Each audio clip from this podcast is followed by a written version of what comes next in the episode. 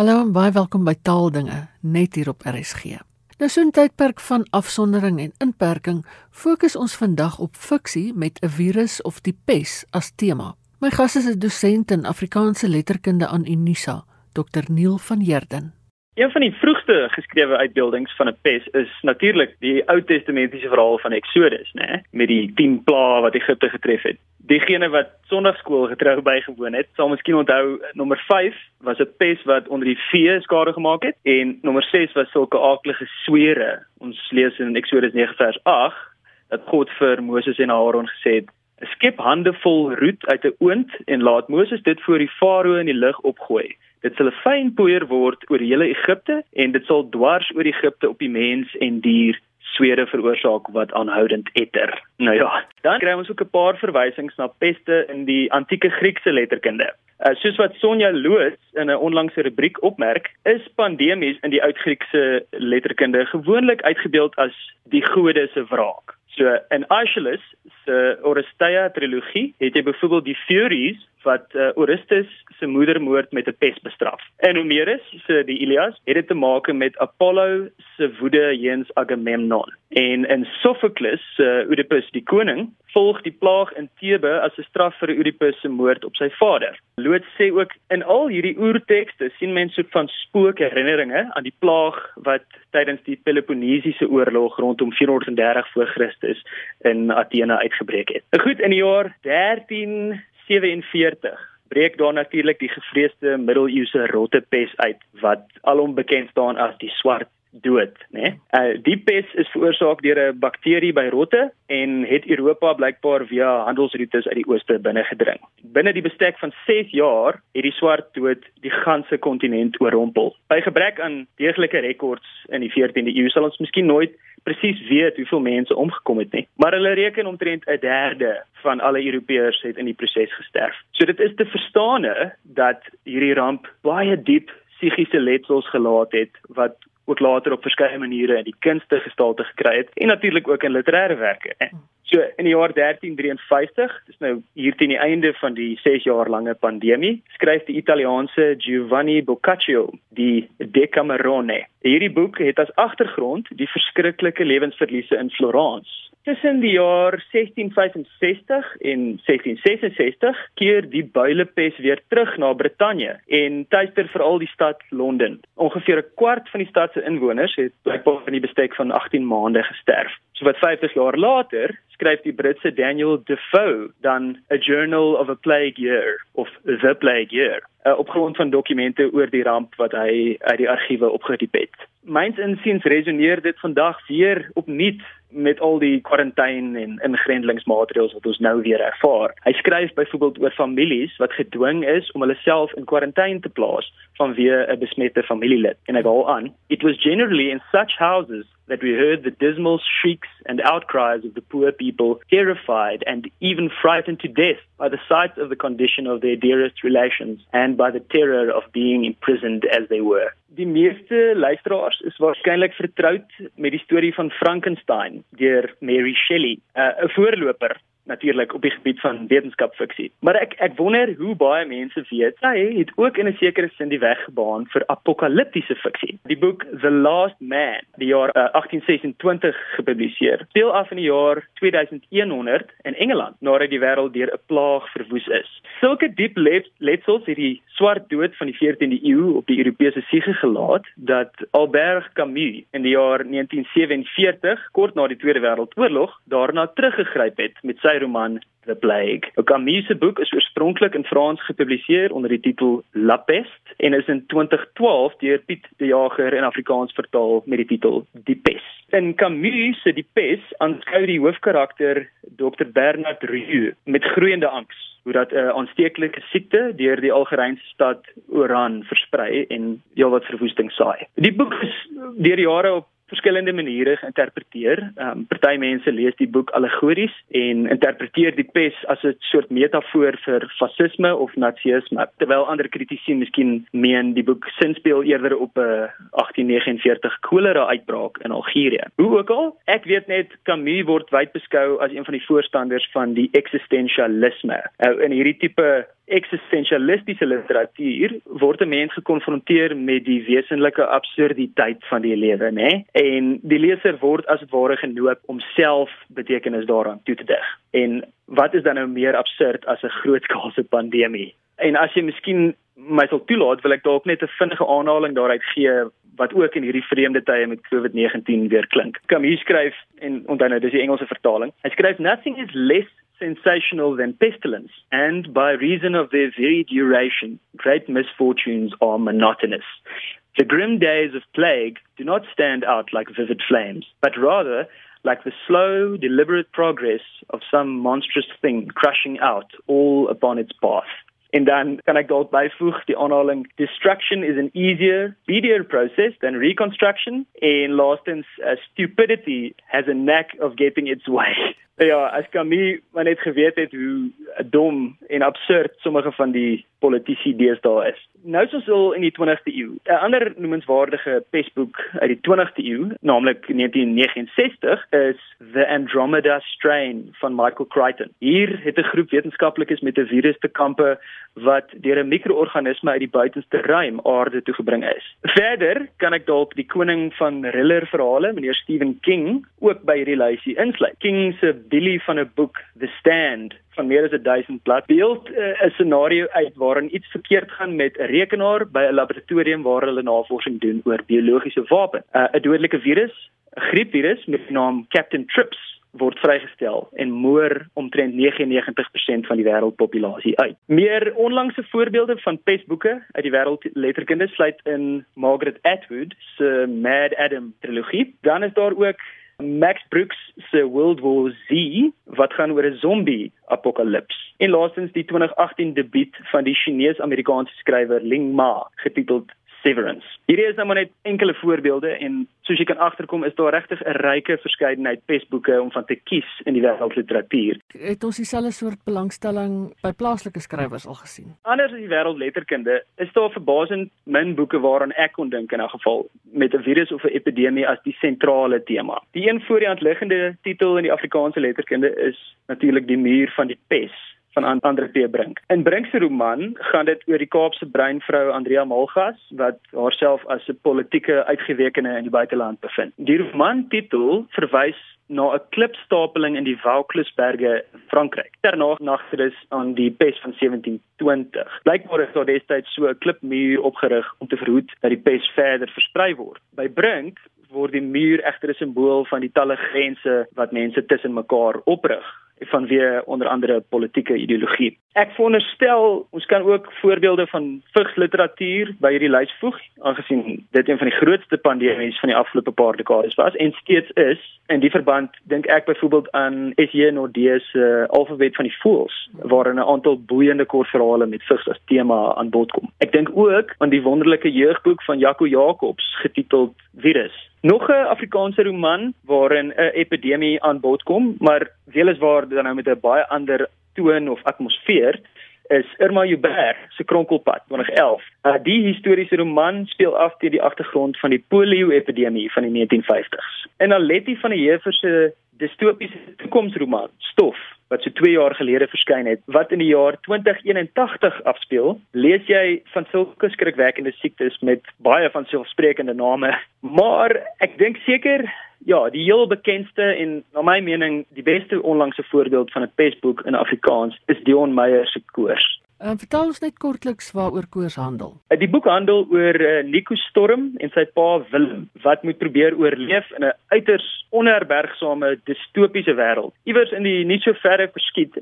nadat sowat 95% van die mense op aarde deur 'n dodelike virus, die koors, uitgedelg is. Die leser wonder van die begin af, wat op aarde het hier gebeur? In hoofstuk 4 kry ons dan die soort van algemeen aanvaarde verklaring vir die oorspronge van die koors. Daar word vertel van 'n man wat onder 'n veselperskeboom gesit het iewers in Afrika en nou haal ek aan. Die man se weerstand is laag want hy is HIV positief en hy kry nie behandeling daarvoor nie. Daar is al klaar een koronavirus in die man se bloed. Koronavirusse kom nogal algemeen voor. In die era voor die groot koors het hulle van minstens 4 geweet wat griep en verkoue simptome in mense veroorsaak. Koronavirusse leef ook in diere, soogdiere en voëls. In die veselperskeboom sit 'n vleermuis met 'n ander soort koronavirus in sy bloed. Sluit aanhaling. So met ander woorde, dit wil voorkom asof die man gelyktydig met twee verskillende koronavirusse besmet is. Sodoende het die perfekte virus as dit ware binne in hom gemuteer en uh, gevolglik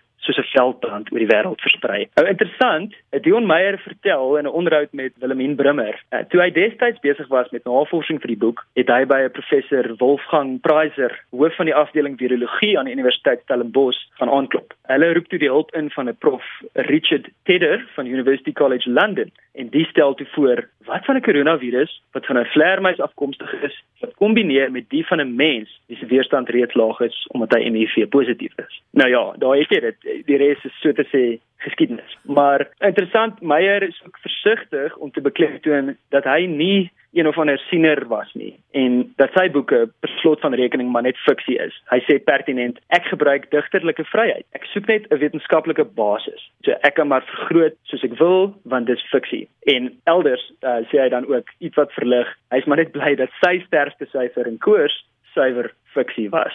Dit bring my by 'n volgende kwessie. Storie is sekerlik in die eerste plek 'n storie. Maar sou jy sê die skrywer tree ook op as 'n profeet wat sê nou maar kyk na die mense of waarsku oor die mense verhouding met die omgewing? Tot 'n mate, ja, maar profeet is miskien 'n sterk woord. Want skrywers het net so min as ek of jy toegang tot 'n kristalbal. Ek kan dalk net byvoeg, hierdie boek van Meyer, uh, Koors, eintlik handel oor die wêreld na die virus. Jy weet in in die naderdraai van die koors het normale wetgewing en infrastruktuur so te sê in duie gestort. Plase en huise en dorpe lê heeltemal braak of verlate. Huishoudelike honde en plaasvarke het ontaard en jag weer soos wilde diere in troppe. Jy kry motorfietsbendes wat die hoofpaaie soos struikrowers patrolleer op soek na kos, wapens, brandstof en selfs mense waarmee hulle handel kan dryf. Kaapstad is na berigte heeltemal onbegaanbaar weens 'n ontploffing by die Kuiberg kragstasie. En dit is in hierdie distopiese wêreld dat Nico en Willem op mekaar aangewese is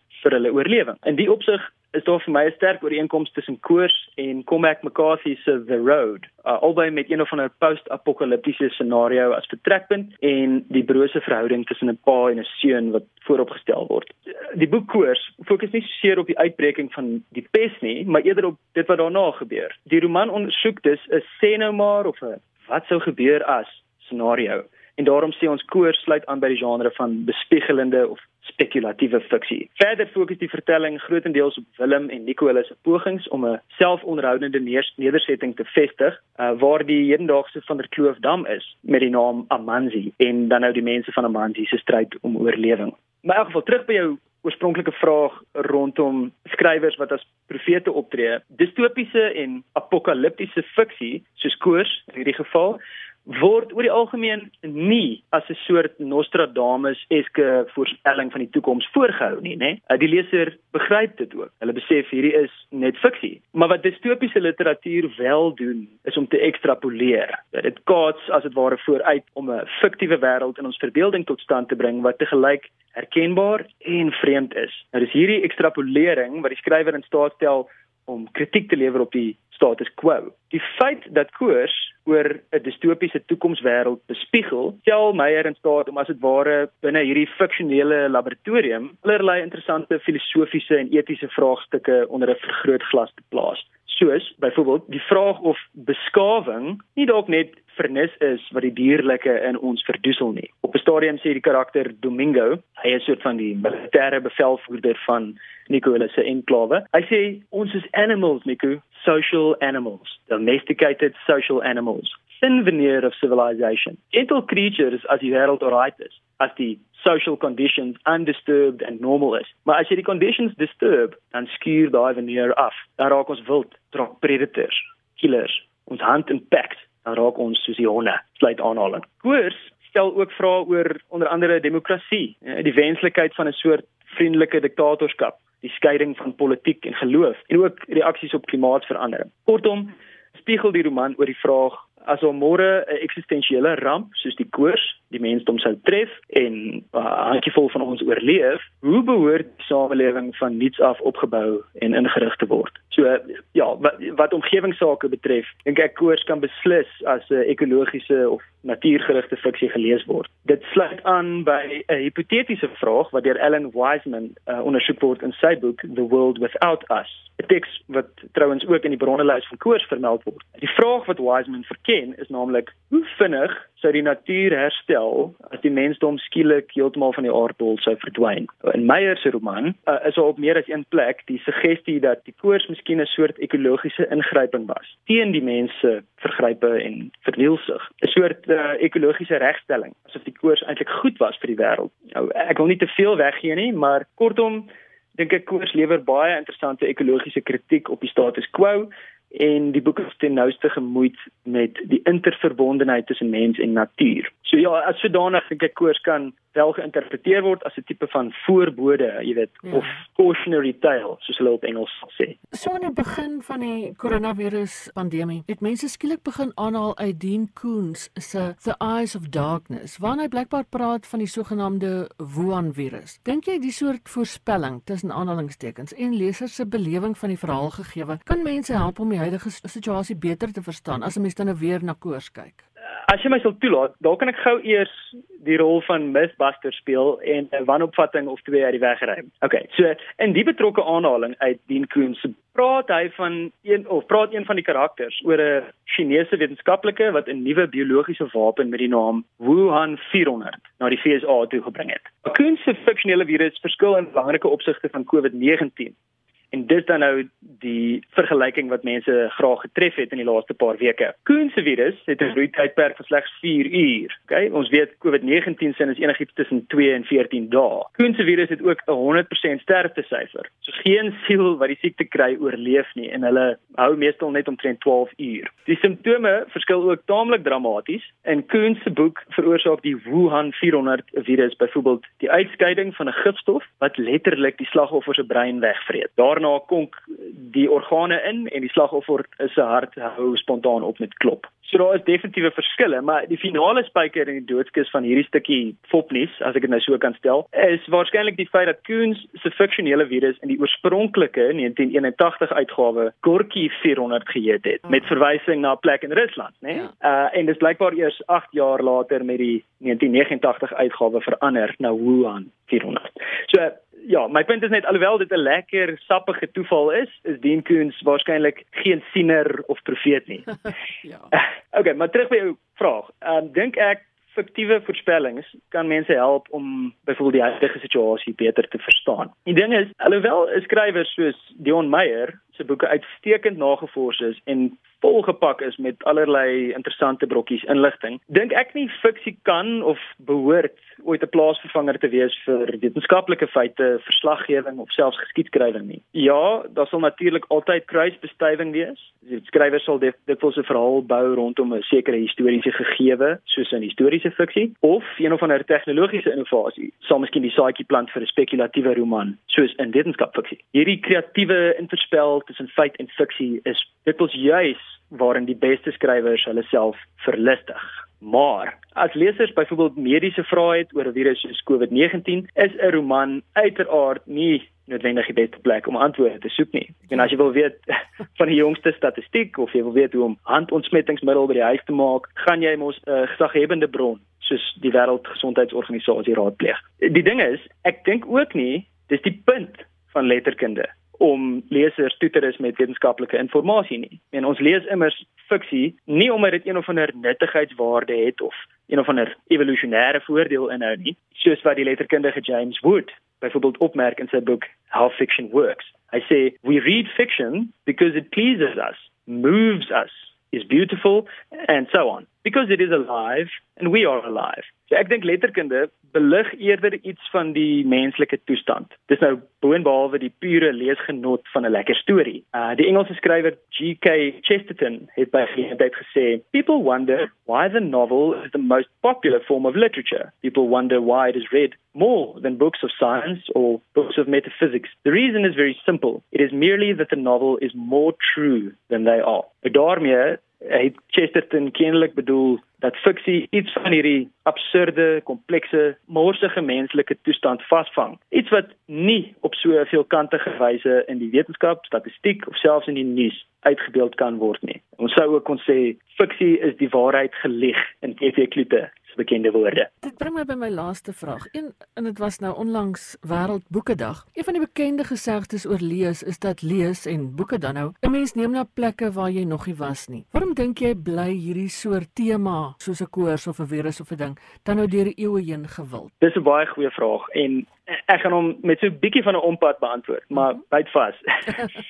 Ja, ek gaan eers 'n opmerking maak oor misdaadfiksie want dis nou maar die genre wat ek die laaste tyd die meeste gelees het. So, daar was die afgelope 2 wat dekades 'n uh, bestendige opbloei in die gewildheid van misdaadfiksie, ook in die Suid-Afrikaanse mark. Nou, hoe verklaar mens dit? Veral in 'n land waar mense gebuk gaan onder sulke skrikwekkende misdaadstatistieke. Ek meen, jy het of dink mense wil ontvlug, so ver as moontlik wegbly van enige tipe misdaad, het ja. sy werklik of fiktief. Maar nee, dit vreet ons speer en spanningsverhale so soetkoek op. So, wat gaan hier aan? Die een teorie is dat die mens diep binne in hom twee verskillende drange het of behoeftes. Aan die een kant die behoefte aan stabiliteit en voorspelbaarheid. Jy wil byvoorbeeld kan staatmaak daarop dat die verkeerslig klokslag elke keer op die regte tyd gaan oorslaan. Maar aan die ander kant het jy ook hierdie behoefte aan 'n bietjie opwinding en avontuur. Ek meen jy sal tog van jou kop af raak as jy vir 40 jaar dag in dag uit presies dieselfde paadjie moet werk toe ry sonder die geringste bietjie afwisseling. So, dit lyk vir my ons het hierdie twee drange en hulle bots die oog af met mekaar. Wel, in die wonderlike wêreld van fiksie kan jy as dit ware jou brood aan al twee kante geboter hê. In die populêre misdaadroman byvoorbeeld, kan jy 'n lekker spanningsvolle leeservaring hê, hè? Gaan die held iets oorkom, gaan die skurke gevang word, gaan reg en geregtigheid op ou en seevier. Maar jy weet tog op 'n sekere vlak dinge sal op die ou ende ten goeie meewerk. Okay, die losdrade sal geknoop word en die spanning sal ontlont word. Toegegee, ek vereenvoudig nou argumentonthaalwe as ek dit sê, want natuurlik legio boeke wat nie 'n gelukkige einde het nie in aanhalingstekens. Maar selfs in daai geval, as dinge te rof raak vir jou, kan jy altyd die boek neersit. Jy kan enige tyd pause druk en jou avatar terugroep uit die matrix uit, by wyse van spreke. So albei hierdie behoeftes waarvan ek gepraat het word so te sê gelyktydig bevredig. Jy kry die Hiller effek en jy het die gerusstellendheidseffek. Nou wil ek terugkeer na jou vraag rondom pesboeke. Ek dink ons is teen teen evolusionêr geprogrammeer om 'n hengse diepvrees te hê vir kieme en virusse en uh, sulke goed wat jou kan binnendring en laat afchop. Met 'n pesboek kan jy dus die Hiller effek kry. Jy kan blootgestel word aan die mees makabere en vreesaanjaende pandemiese scenario denkbaar. Maar dit bly per slot van rekening binne die veilige parameters van fiksie. So ja, ek ek sê nie dis die heilige waarheid nie, maar dis miskien een verklaring vir hoekom pesboeke deur die jare so gewild was. Dit was Dr Neil van Heerden, 'n dosent in Afrikaanse letterkunde aan Unisa. Ek sluit af met 'n reël uit die Afrikaanse vertaling van Camus se Die Pes. Daar was in hierdie wêreld al net soveel epidemies as oorloë en nogtans is die mensdom op albei ewe min voorberei. En daarmee groet ek Ina Strydom tot 'n volgende keer.